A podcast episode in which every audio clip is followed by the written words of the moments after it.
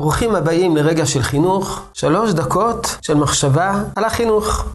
נחלקו רבותינו כיצד להסביר את מה שאירע בביתם של יצחק ורבקה.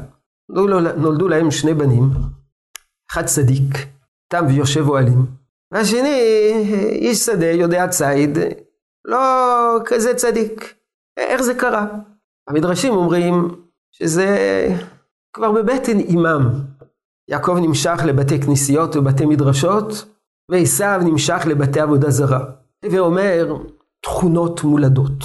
אבל יש הסבר מפורסם של רש"ר הירש, מעט נועז, שמאשים את יצחק בכך שהוא רצה לחנך את עשיו בדיוק כמו יעקב. הוא לא רצה בבית יעקב ועשיו, הוא רצה שני יעקב, שני יעקב. ולכן הוא חינך את יעקב, את עשיו, בדיוק כמו יעקב.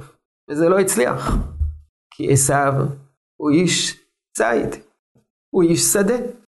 נטיותיו שונות, האופי שלו שונה.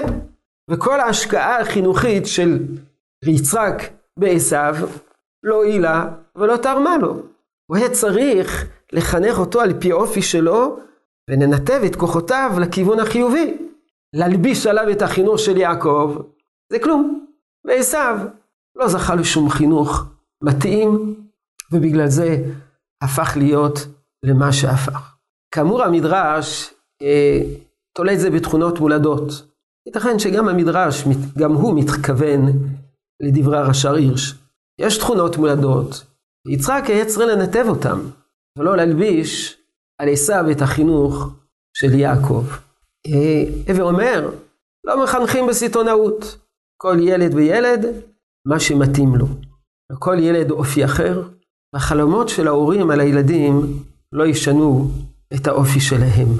צריך מחד לחלום, מצד שני רגל אחד במציאות.